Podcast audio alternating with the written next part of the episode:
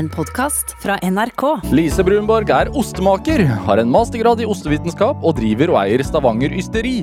Hun har vunnet Matkulturprisen og flere norgesmesterskap i ost, bl.a. for blåmuggosten Phoenix. Og verdenskjente restauranter som Maemo og Reno serverer osten hennes. Men før alt dette var Lise Brunborg kokk på et omreisende sirkus. Dette er Drivkraft med Vegard Larsen i NRK P2. Lise Brunborg, velkommen til Drivkraft. Tusen takk. Kjekt å være her. Fint å være tilbake i Oslo. Jeg bodde jo her i mange år, så det er veldig litt sånn trist òg. Litt vemodig på et vis. Fordi mitt hverdagsliv her er jo vekk. Ja. Nå er jeg bare på besøk. Så, sånn er det jo. Man flytter, er det ikke sånn at man flytter ofte tilbake til den byen man er født og oppvokst i? Ja, jeg skulle jo egentlig ikke det, da, men sånn ble det. Ja, spesielt du, du bor i Stavanger og jobber i Stavanger. Var, kom til Oslo i går. Ja. Spiste Ja, middag på Deichman bibliotek. ja, og så etter et par retter så sprang det en rødrev forbi vinduet. Helt en absurd opplevelse. Og så gikk brannalarmen. Altså, Ja. Og så gikk brannalarmen. Og det lukta svidd. Og vi måtte ut, og jeg tror vi sto der ute en time og frøys før vi fikk komme igjen. Så det, jeg føler jeg er litt sånn filmsett. ja, og nå er du her. Ja. Til vanlig så er du jo i et ysteri, Ja. eh, og yster på denne tiden. ja. Det Altså P2 er en stor del av mitt liv, så jeg, vi timer jo klokka litt etter P2, så i ysteriet når vi former osten Det er en ganske sånn monoton eh, rutineoppgave. Ja. Eh, ingenting bråk. Og da går drivkraft på, eller musikk i bakgrunnen. så jeg altså, tror jeg har hørt stort sett de fleste drivkraftprogrammer. Nei, uff a meg. ja, det det jeg fisket etter. Det er veldig hyggelig, i hvert fall. Men, men altså, eh, det, det, det, er ikke det vi skal prate om. Vi skal, vi skal prate om, om deg og, og ostemaking. Altså, hva er det å yste? Hva er det egentlig?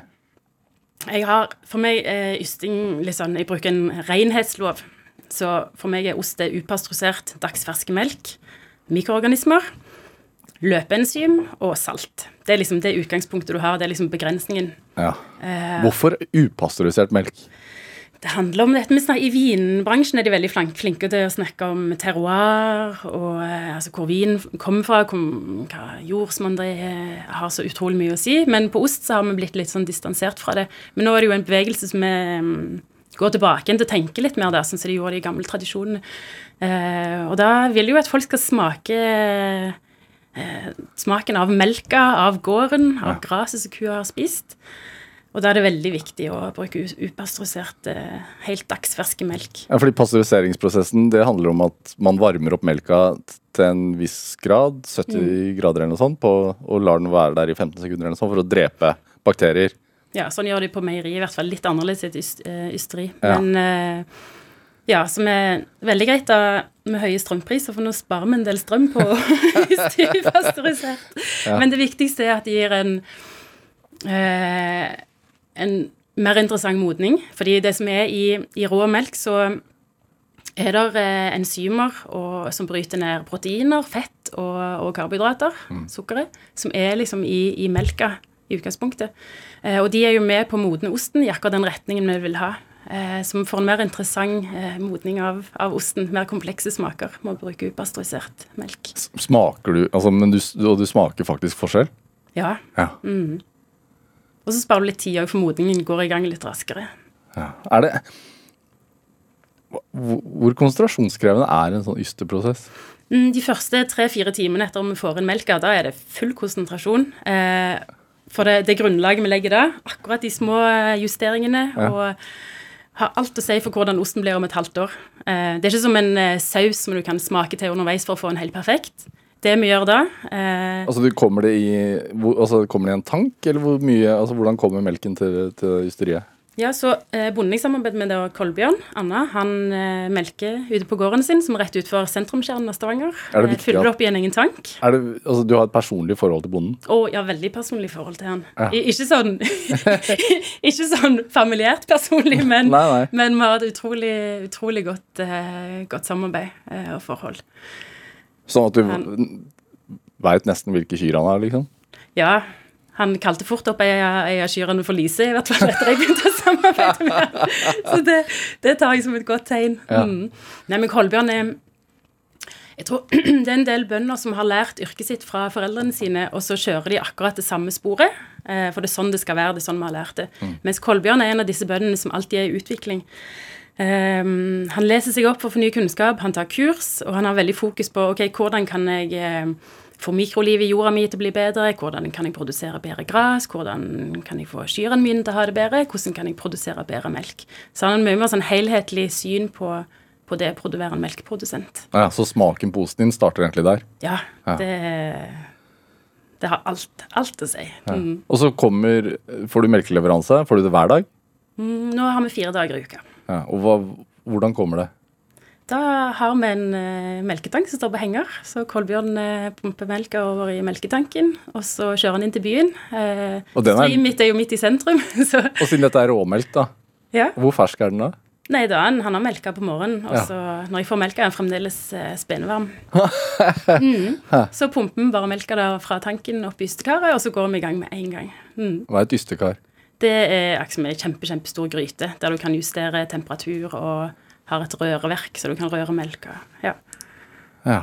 Mm. Og hva, hva, Fortell. Altså hvis du for, Altså er én tank blir én type ost? Ja. Eller når jeg får en melk, så tar jeg fordeler den litt på forskjellige typer småprodukter, men vi lager i utgangspunktet en, hovedost da, ja. Eh, hver dag. Hva er, hvor, hva er neste steg da, etter å ha helt uh, melken i, i, tanken? Da Først så justerer vi temperaturen, sånn at den skal være liksom helt perfekt. Um, temperatur der melkesyrebakteriene og, og løpeenzymene trives. Så tilsetter vi da disse få ingrediensene. Og så er det, blir melka går fra å være helt flytende til å bli fast. Mm. Når du yster blåmuggost, så ser det nesten litt ut som en vaniljepudding. For du har sånne små blåmuggsporer som flyter rundt i melka. Eh, og så er det Tilsetter man de? Ja, de tilsetter vi. Ja. Mm. Hvor har du de, da? De eh, ligger klar i fryseren. så man har en po mm. pose med blåmuggsporer yes. som blir eh, altså avlet frem et annet sted? Ja, det ja. Eh, Du kan eh, dyrke det fram inni en loff. Eh, det gjorde de tradisjonelt i Frankrike. Men Mattilsynet i Norge er ikke veldig glad i sånne metoder. Så da kjøper vi ferdig pose med blåmuggsporer. Ja. ja. Mm. Så um, er det en lang prosess der vi skjærer opp denne her faste koagelet i små uh, biter. Ostekorn kaller vi det. Og Og, er det en, er det, da er den ganske sånn myk? Ja, da er det veldig, veldig sånn skjørt og myk, som en helt sånn eh, myk, myk, myk eh, crème brulé eller panna cotta eller noe sånt. Um, Hvordan smaker det, da? Det smaker egentlig bare melk. Fordi ja. melkesyrebakteriene, altså deres jobb er jo å spise melkesukker og lage syre. Men eh, så tidlig i prosessen så klarer vi nesten ikke å kjenne den, den forskjellen. Det har skjedd noe som vi ikke klarer, klarer å, å, um, å, smake, men det er veldig viktig for prosessen. Så det smaker egentlig som en hei sånn mild melkepudding. Men så går det slag i slag da med, med et slags røreprogram til jeg kjenner at ostekornen har den riktige konsistensen. På blåmuggost er dette her litt, eh, litt utfordrende å få helt likt fra gang til gang. Eh, og så er det en eh, forming av osten, der vi tar osten opp fra dette her store karet og over i, i formene. Ja, det, også det handler om hvor lenge det blir rørt, da? Ja, jeg tror ikke jeg skal gå inn på eh, den der, hele den prosessen, nei, nei. men det, det, ja, det, det, er et slags program da med røring. Men, men kan man og, i, i, teorien lage dette her på kjøkkenet selv? Eh, ja, du kan det. Det er ikke sikkert det blir godt, men du kan det. hva, hva, hva, ville det, altså, hva ville det kreve? Altså råmelk, eller ja, men det er kanskje det jeg vil kreve mest, det er jo modning av osten. Hvor skal du modne den osten? Har du et rom som har eh, 10-12 grader og høy fuktighet? I huset ditt? kanskje? kanskje. Kanskje Ja, nei, ja. forhåpentligvis ikke. Mm. Ja. Men så har vi forma osten mens vi hører på drivkraft. Eh, og så får den osten stå i formen sin et døgn. Og så tilsetter vi salt, som er veldig viktig for å balansere smaken. Og for å um, regulere modningen, at den går liksom i riktig tempo. Ja. Eh, og så er det inn på, på modningsrom. Og da får en kose seg der i seks måneder. Og da er den ferdig for butikken? Og da um, har vi ikke smakt osten da før, med, før de seks månedene. Um, og det er jo alltid um, litt sånn nervepirrende. Ja, er det det? Hver gang? Ja, det, ja, husker da jeg starta ysteriet, så eh, Jeg har bygd i et leid lokale som holder til i Stavanger øst, som er den gamle mm, Altså Før Stavanger ble en oljeby, så var det en fiske- og hermetikkindustriby. Eh, så i det området som Ystri etablerte etablert, så var denne hermetikkindustrien alt fra fiskemottak og der de sløya, ost, eh, sløya osten her, sløya fisken. Det er du som driver med det. er Ja, du som ja, ja. sløyer ost. Ja. Og så Og eh, emballasjefabrikker og eh, Ja. Så Ystri er da en gammel emballasjefabrikk. Som du tok over fra starten av, og gjorde om. Ja, så det Jo, så jeg leier dette lokalet. Så jeg hadde ikke noen mulighet til å, til å gjøre produktutvikling før jeg startet, eh, starta produksjonen. Jeg fikk inn ystekaret 24 timer før jeg måtte, hadde satt deadline. Nå må jeg begynne å lage ost. Jeg har ikke råd til å vente lenger. Ehm, så da måtte jeg bare kjørte full, full gass med, med produksjon. Tror det var to eller tre dager i uka. Um, men da hadde jo jeg bare lagd den oppskriften i teorien um, inni mitt eget hode. Eh, jeg har litt hjelp da at jeg har en mastergrad i, I ost. Så det, det hjelper litt på. Um, men da var det bare å ja, ha full produksjon, eh, krysse fingre og tær og alt annet som kan krysses for at den osten kommer til å virkelig til å smake så godt som jeg har tenkt meg fram til inni mitt eget hode. Um, men de, husker de siste månedene før jeg skulle åpne, eller tenkte at nå er den osten salgsklar, da jeg, ja, tør, tørde liksom ikke, tørde nesten ikke gå og se på ostene engang, liksom. Jeg måtte bare ja, være tålmodig og Men så gikk det bra, det. De første produksjonene smakte faktisk eh, veldig godt. Hva, hva, hva, Ja. men altså, hva, tenkte du at det skulle smake? Altså, du hadde det i hodet, altså, du skal ikke Mm. avsløre oppskriften din her, men liksom, hvordan hadde du satt det sammen? Nei, jeg ville lage en blåmos som var relativt stor, for da kunne jeg mo- modne den lenge. Eh, og jeg liker sånn som de lager blåmuggosten i Frankrike, der yster de den ganske syrlig. Eh, og da trenger han lang tid på å modne, men når den først er moden, da, så får du utrolig mye sånn eh, andre smaker enn den der klassiske blåmuggsmaken. Eh, han smaker mer av moden ost. Ja. Og mange blåmuggoster er veldig unge når de selges, så de selger, smaker de ofte bare melk, salt og blåmugg. Eh, men jeg ville lage en liksom stor og kompleks ost som var litt mer interessant. Ja, og da, når du da hadde laget disse batchene, og så måtte du vente, måtte vente et halvt år, da? Mhm. Regningene hopet seg opp? Det er ikke. Ante, nei, ante ikke om det du hadde laget var salgbart i det hele tatt? Det er sånn, Når jeg tenker på det nå, så tenker jeg sånn Nå eh, tror jeg ikke jeg hadde orka å ta den risikoen. Veldig glad for at jeg turte det for seks-syv år siden. Mm. Dette er Drivkraft med Vegard Larsen i NRK P2. Og i dag er eh, ostemaker Lise Brunborg her hos meg i Drivkraft på NRK P2.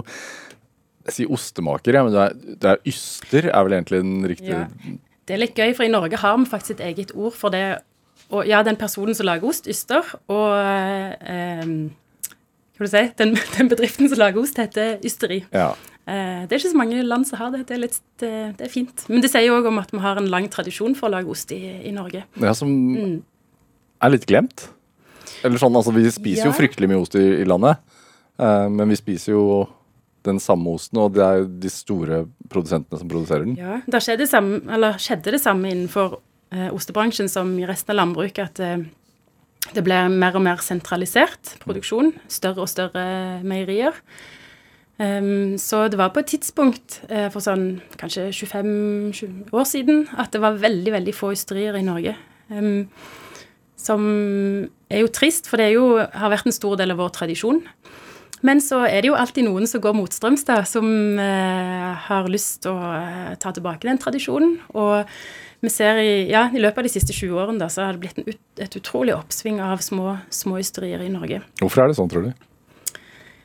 Um, det er nok forskjellige grunner sånn på um, Når det gjelder geitmelka, f.eks. Det var det jeg skrev min mastergrad om. Det var kvaliteten av geitmelk til osteproduksjon. Eh, Hvit geitost? ja, Ja. hvit geitost. Som du ikke Eh, lager? Nei, i Stavanger er det ikke geitmelk. Det er litt synd, men når du jobber mye med geitmelk, så er det veldig gøy å jobbe med kumelk. uh, men eh, du vet på, når du innenfor um, husdyrproduksjon, så driver du alltid med noen avlsmål. Så da hadde vi avla eh, geitmelka for å lage industriell brunost. Eh, og hadde mista noen veldig viktige gener for å lage hvit geitost. Oh, ja. Ehm, så på geitmelka har i Norge liksom fått litt sånn dårlig rykte, men eh, gjennom et nytt avlsmål og, og Altså, jeg Når jeg tok masteren min, da, så forska jeg liksom på, på, på um, resultatet for dette her nye avlsprosjektet. Eh, for å se om vi hadde oppnådd å få en bedre geitmelk for å lage hvitost. Um, så man trengte, egentlig, altså, man trengte nye geiter for å lage hvitost? Nei, vi hadde fremdeles noen gener som, da, som var igjen i den norske bestanden. Så da tok vi heller eh, på en måte vare på de da, avla på de istedenfor de genene vi hadde avla på før. Så det er forskjell Men, på genetikken i geiter som lager bra hvit geitost, og de som lager brun? Ja, ikke nå lenger, for nå har vi tatt et, eh, et eller Tine Norsk sau og geit har tatt et valg på hvilke gener de har lyst til å avle mot. Eller, ja, ja. Eh, så nå har vi en ganske sånn for, forholdsvis homogen geitemelk i Norge. Eh, men, men, det som er, da, at eh, ok, nå har vi kanskje verdens beste geitmelk, men eh, Har vi det? Des, ja, men dessverre så de store meieriene de ser ikke helt den verdien. Eh, og eh, da jeg var ferdig Altså, jeg holdt på med masteren min i jeg var vel ferdig i 2011, og da møtte jeg flere geitemelksprodusenter som var helt på gråten fordi Eh, de, de, de, de, så jo sjøl at vi har jo den flotte geitemelka, og så følte ikke jeg at det, på en måte meieriet respekterte den melka og lagde bra nok produkter av den. Da tror jeg det er en del som har da tenkt seg om at ok, men da bør en kanskje bare begynne å lage ost sjøl. Ja. Eh, og, og, lage den fantastiske osten en kan, kan fra den melka. Hva som fikk deg til å begynne å studere dette her i det utgangspunktet? Ja, nei, altså um, jeg har studert en del forskjellige ting, og alltid etter uh, interesse. Så da jeg begynte å studere, studerte jeg uh, teoretisk fysikk i København, fordi fysikk var det faget jeg likte best på videregående. Teoretisk eh, fysikk, hva er det? Ja, nei, nei, da sitter du og regner. Men problemet der var i på um, det instituttet i, i København, eh, så går du i klasse med de som blir eh, typ sånn nobelprisvinnere i fysikk. Sånne genier. Eh, så du føler deg liksom sånn underdog etter hvert. Eh, ja. Så da fant jeg ut at eh, hm, kanskje jeg heller skal bruke miljøengasjementet mitt og studere noe som er litt mer eh, håndfast. så da flytta jeg til Ås og begynte på miljøkjemi. Ja, Landbrukshøgskolen. Ja, Landbrukshøgskolen. Ja. ja, heter vel ikke Landbrukshøgskolen nå lenger, men ja. Så da endte jeg opp med egentlig å skrive en mastergrad i gjenvinning av fosfor fra avløpsvann. For det tenkte jeg, det skal være liksom mitt eh, kall i livet. Jeg skal redde eh, landbruksnæringa eh, med å liksom gjenvinne fosfor fra, fra avløpsvann, istedenfor å hente fra ressurser i Vest-Sahara som er okkupert fra Marokko, og hele den historien der. Men så jobbet jeg som kokk ved siden av. For å kunne reise hver vinter, så måtte jeg jobbe litt ved siden av studiene. Og da begynte jeg å gå mer og mer i dybden, fordi jeg hadde jo realfagsbakgrunn. Så begynte jeg å gå mer og mer i dybden på råvarer. Hva er det egentlig som skjer når du koker et egg? Hvorfor går det fra flytende til fast form? Mm. Også kjemien i det hele? Ja, liksom. kjemien og mikrobiologien, fysikken. Og Samtidig så henta jeg litt melk på universitetet, for der har de forsøksdyr, så studenter kan hente melk. Begynte å lage litt ost hjemme. Og så altså på ja. hybelen? på hybelen, eller ja. kollektivet. Ja. Stort hus. Er det sant? Ja. Eh, måtte jo ha litt mategg.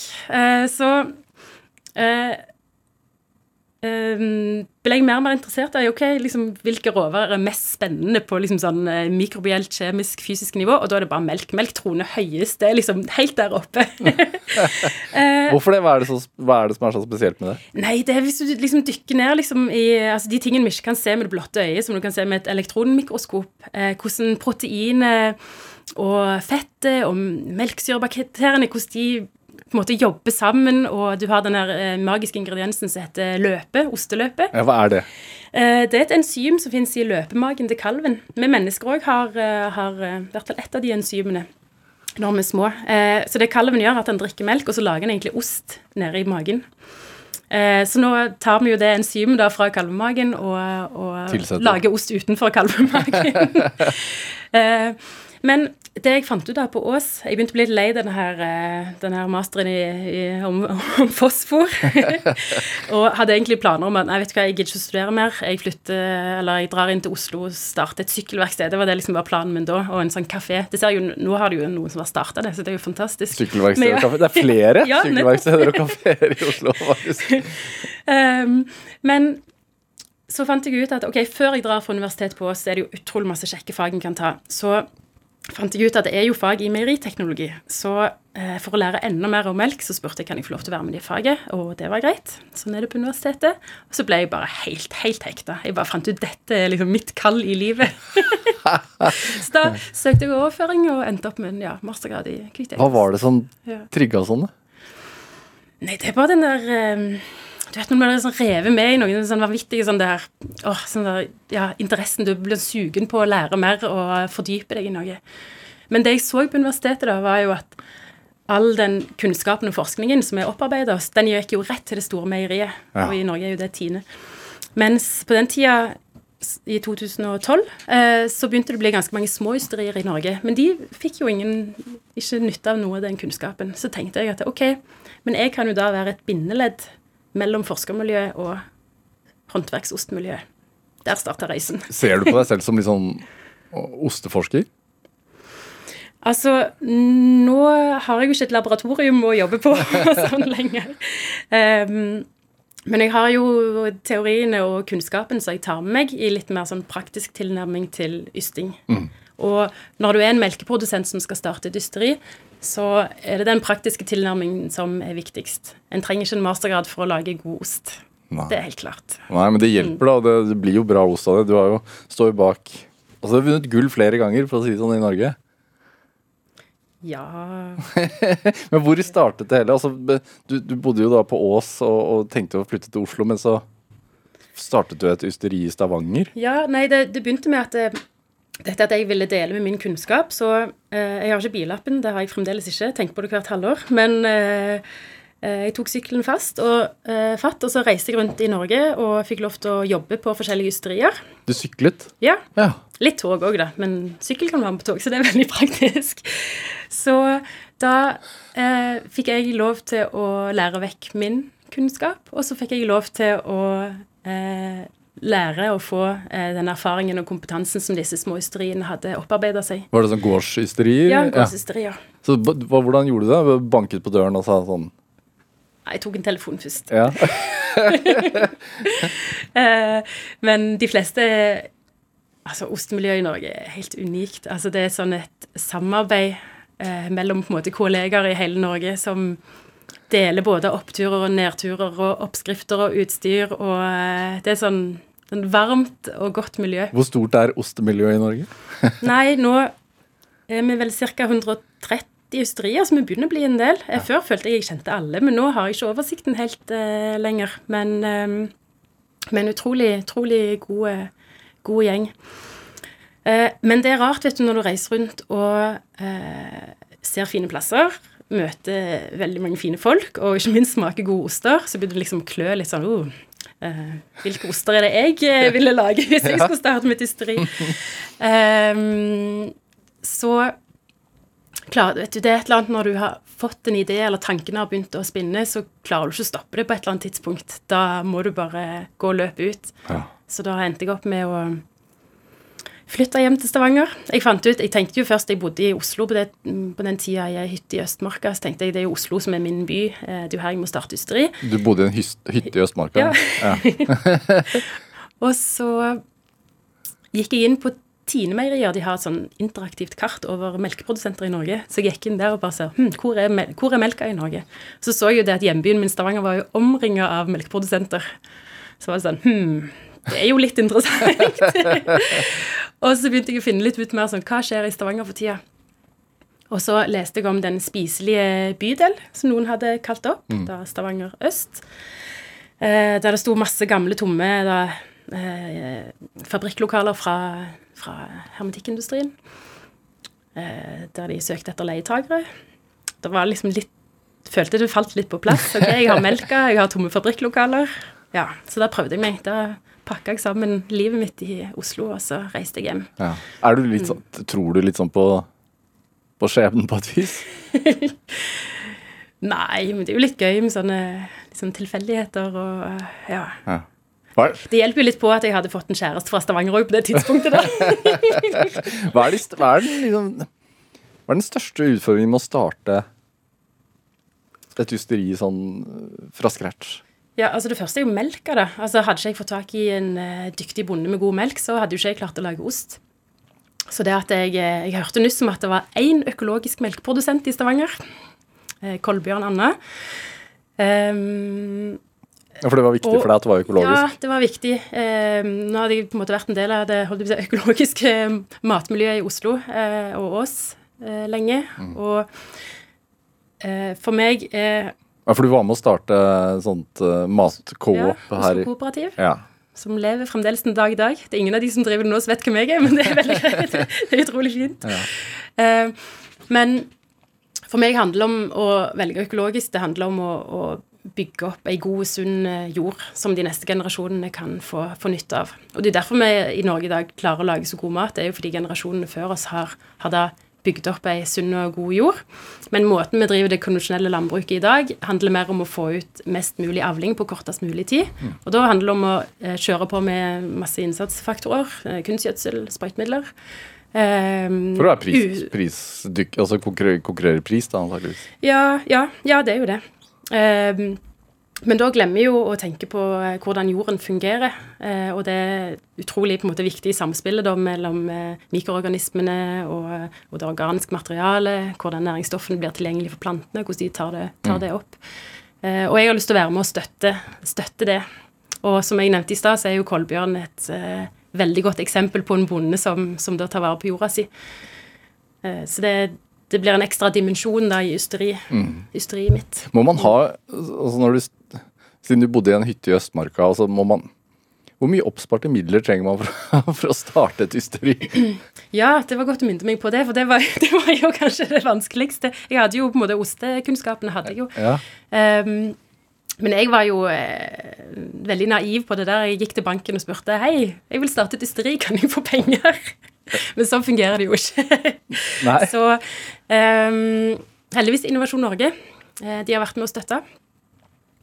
Um, og kanskje Norge er nok det letteste landet sånn sett å starte industri, nettopp fordi det er et sat satsingsområde. Eh, og Innovasjon Norge har egne, egne midler til til videreforedling av, av norske landbruksprodukter. Mm. Så de var veldig god hjelp.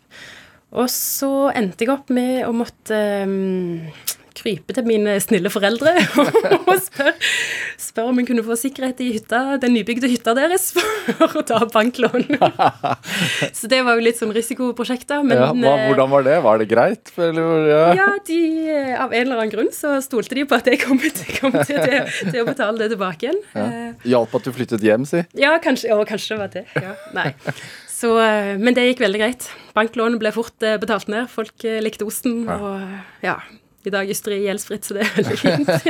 Hva er det som også sånn, Du beskrev jo det å uh, lage din første eh, batch, kaller jeg det. Hva, hva mm. kaller du det?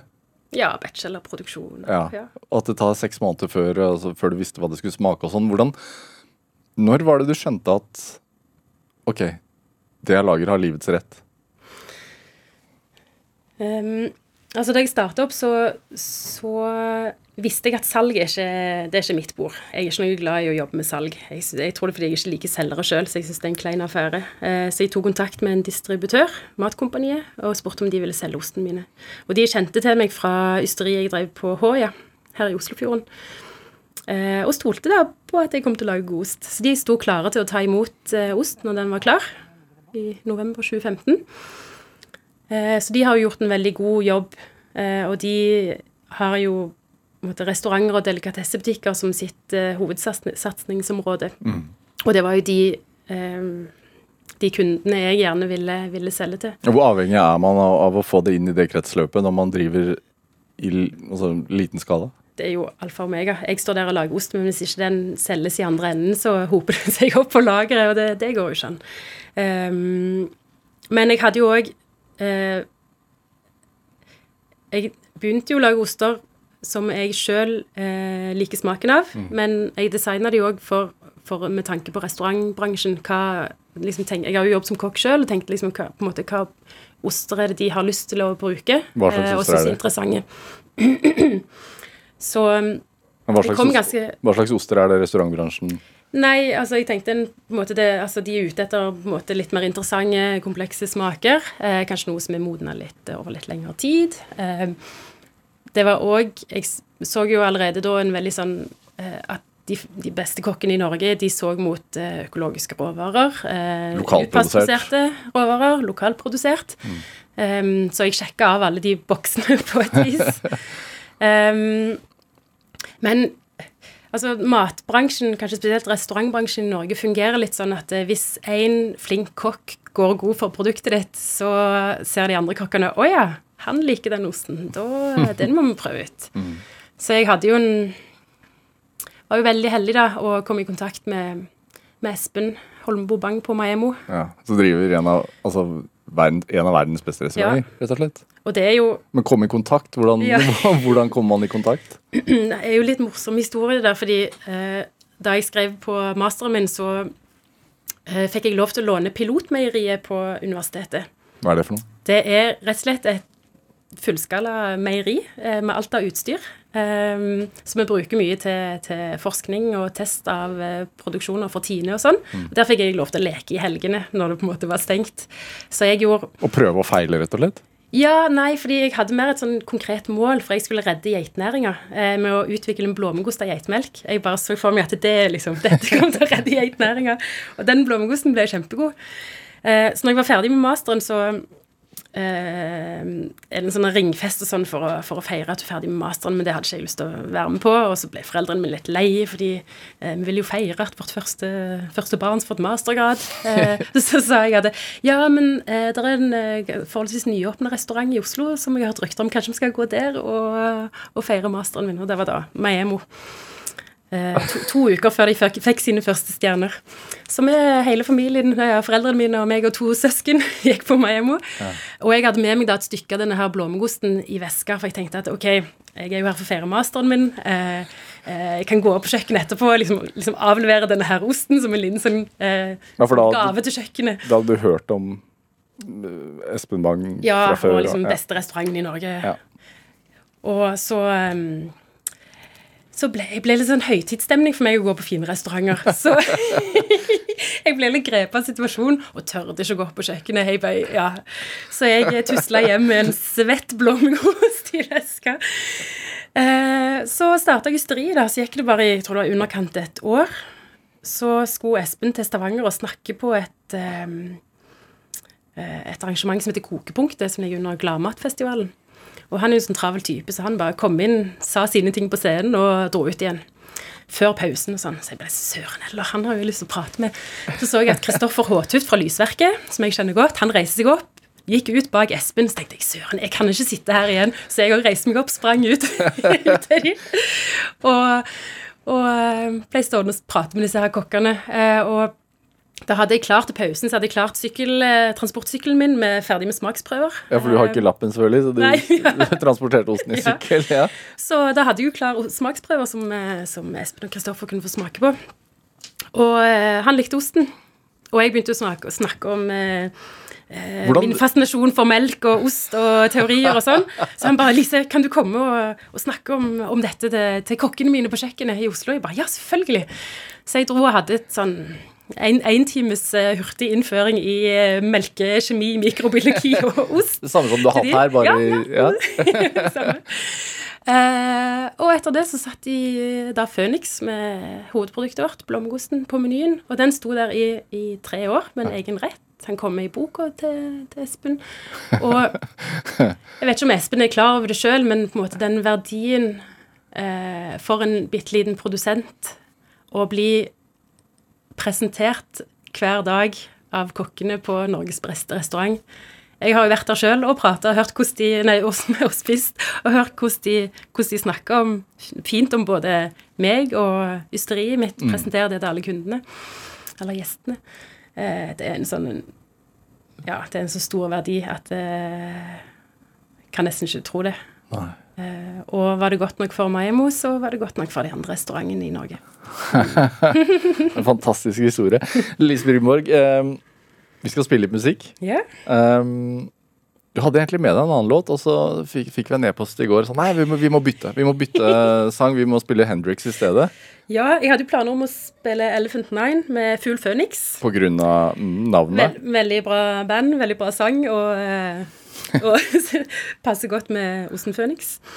Men så var det en liten krise i går når jeg skulle, skulle dra, for jeg har en sønn på, på tre år, Henrik. Og han er jo ikke vant til at mamma og pappa driver og reiser Nei, man gjør de siste to årene. Nei. Så eh, det var ikke veldig populært. Så da inngikk vi et kompromiss at jeg skulle bytte sang. Han skulle få lov til å velge. så da blir det Jimmy Hendrix med 'Crosstown Traffic'. Hvordan er det hjemme hos dere når den blir satt på? Nei, da finner han fram sin mini-elgitar og synger og danser i stua. er det sant? Ja. Ja, Får håpe, håpe han uh, hører på dette her. Han er i barnehagen nå, kanskje. Men er i Ser det på opptak i kveld. Hendrix med Crosstown Traffic.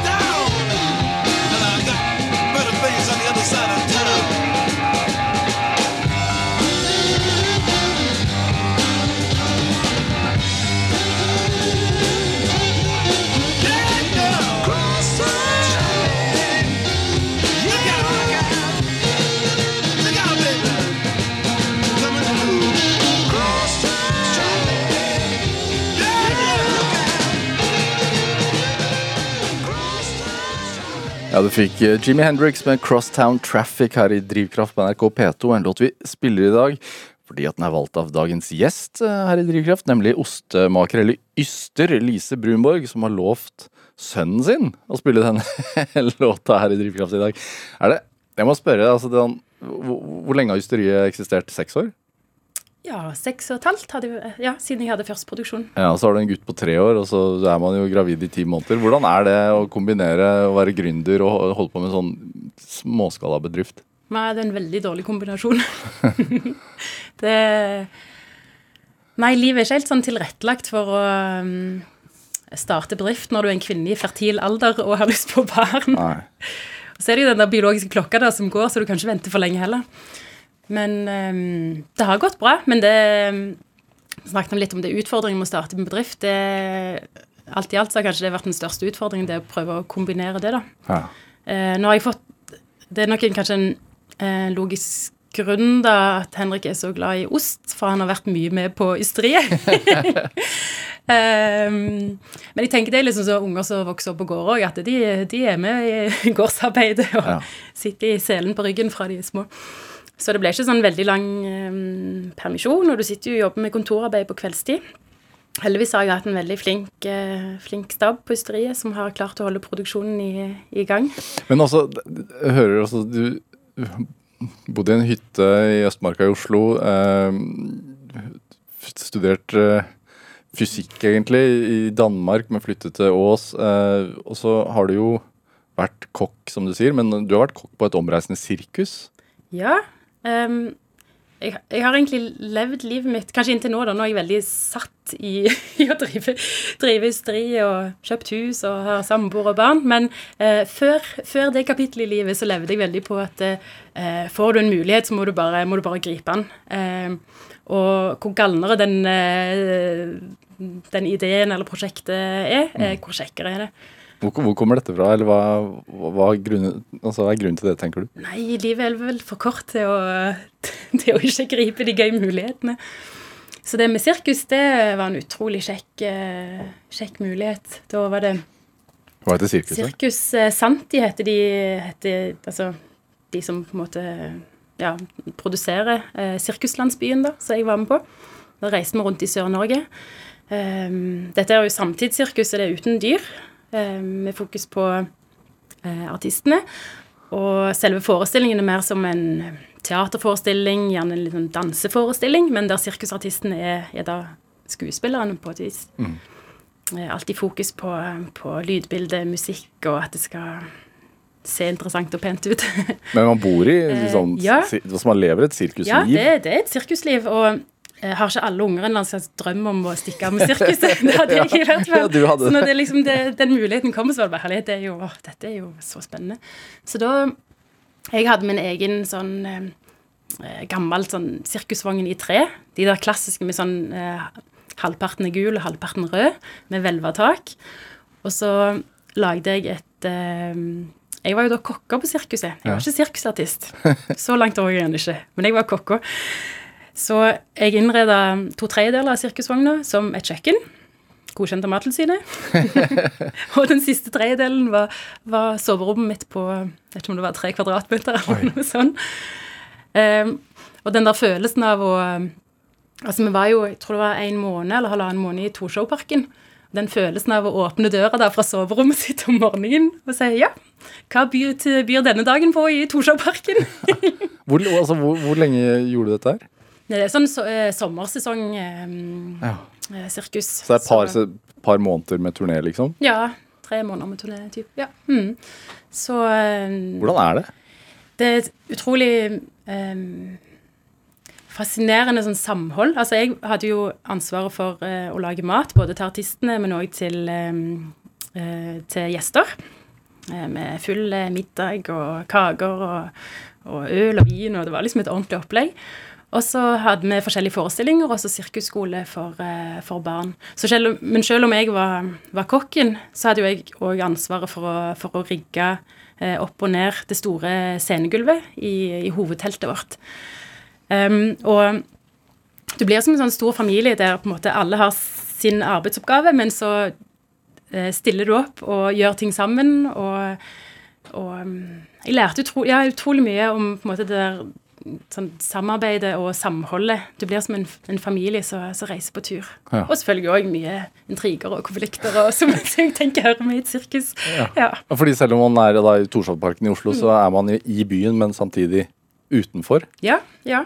Og um, sirkus har jo et litt sånn ra, ja, litt spesielt rykte på seg, så det var jo òg en del som var skeptiske til dette her fantefølget som, eh, som bodde i parken eh, ved siden av leiligheten. der, Så, ja. Men denne eventyrlysten, er det eh, Har du alltid hatt den? Jeg, definer, vil, jeg definerer det som en slags eventyrlyst, men eh, Jeg tror kanskje at jeg ehm, Jeg fikk den da jeg ehm, var ferdig på videregående og bare, bare ville vekk. Jeg husker jeg flytta til Frankrike først et år bare for å lære meg å, å bygge et liv fra, fra bunn. Liksom, ok. Og det jeg lærte derfra, var ok, uansett hvor jeg, hvor jeg drar i verden, så, så kan en finne seg venner og en jobb og en plass å bo. Altså, og da blir jo litt sånn åpen da, til, til, til nye steder, nye folk og nye gøy prosjekter. hvorfor vil du vekk, da? Det tror jeg har ingen, ingen svar på. Nei. Men det er vel ønsket om å oppleve noe annet, og ikke det trygge, satte. Ja. Men er du, fra, altså, er du utdannet kokk? Nei. Nei. Så selvlært? Ja.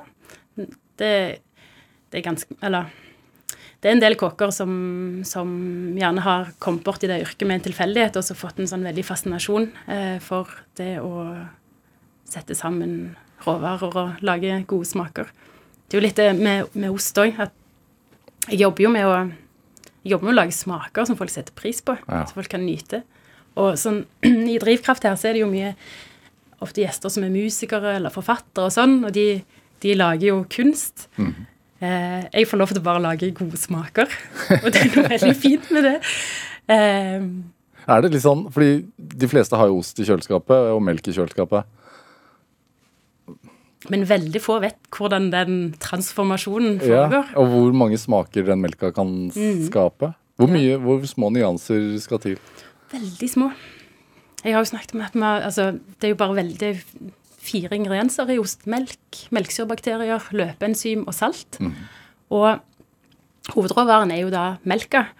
Og potensialet til smaken av alle verdens oster ligger i den melka. Og den melka smaker jo bare Vi kjenner at det smaker melk, men det er ikke noe wow. Sant? Det er litt søtt. Det er 86 vann. Eh, og som du sier, et veldig sånn hverdagsprodukt som alle har i kjøleskapet sitt. Og den råvaren der kan du bare forvandle til tusenvis av forskjellige produkter. Sant? Med ulike smaker, aromer, konsistenser og egenskaper. Og blåmuggost, som er mitt hovedprodukt, eh, er jo veldig sånn Det er jo veldig mye smak, veldig kraftig smak, komplekse smaker. Men potensialet til alle de smaksnyansene der lå i melka, som ikke smakte noen ting. Og så er det jo på en måte ysteren sin jobb da, å lure ut akkurat de smakene eh, han eller hun ønsker. Og hvis ikke det er spennende, så vet ikke jeg. Men er det, er det et, eh, altså, et politisk engasjement i dette her også? Ja Um, jeg, jeg er jo veldig opptatt av at vi skal ha, spesielt innenfor landbrukspolitikk, da, ha mer fokus på landbruk i Norge. Hvis en tenker seg, hvis en spoler langt tilbake i tid, da, så er det jo enhver sivilisasjon er jo bygd opp der det var god landbruksjord, eller godt fiske. Så her i Norge, da, f.eks. ja, Stavanger, Trondheim, Oslo er jo, er jo bygd opp der det er god landbruksjord. Men så har vi moderne folk i byen. Vi har distansert oss utrolig fra den landbruksproduksjonen som vi egentlig etablerte oss her. Mm, Det er for la, du mener det er for lang avstand Ja. mellom, mellom matprodusent og forbruker, rett og slett? Ja. Og um, der er det en stor jobb å gjøre. Og det er jo eh, en av grunnene til at jeg ikke fikk meg en gård langt ut på landet og eh, starta ysteri der, men faktisk etablerte det midt i byen. For da kan jeg være et slags eh, sånn kommunikasjonsledd mellom et landbruksprodukt, produksjon, og folk i byen. Eh, I tillegg så ser jeg jo i matbransjen så var ikke jeg klar over at det òg var en del politikk og spill. Ok. Nei, for du har disse store aktørene som ehm, tjener godt på, på mat, og så har du da bonden som sitter og ikke tjener så mye på mat. Mm. men er gjerne den viktigste. Produserer ikke bonden mat, så har heller ikke dagligvarekjeden noe å selge. Så um, der er det òg en jobb å gjøre for å jevne litt ut, tenker jeg, eh, hvor, ehm, hvem som skal tjene penger på mat i Norge. Hva burde en liter melk koste, da?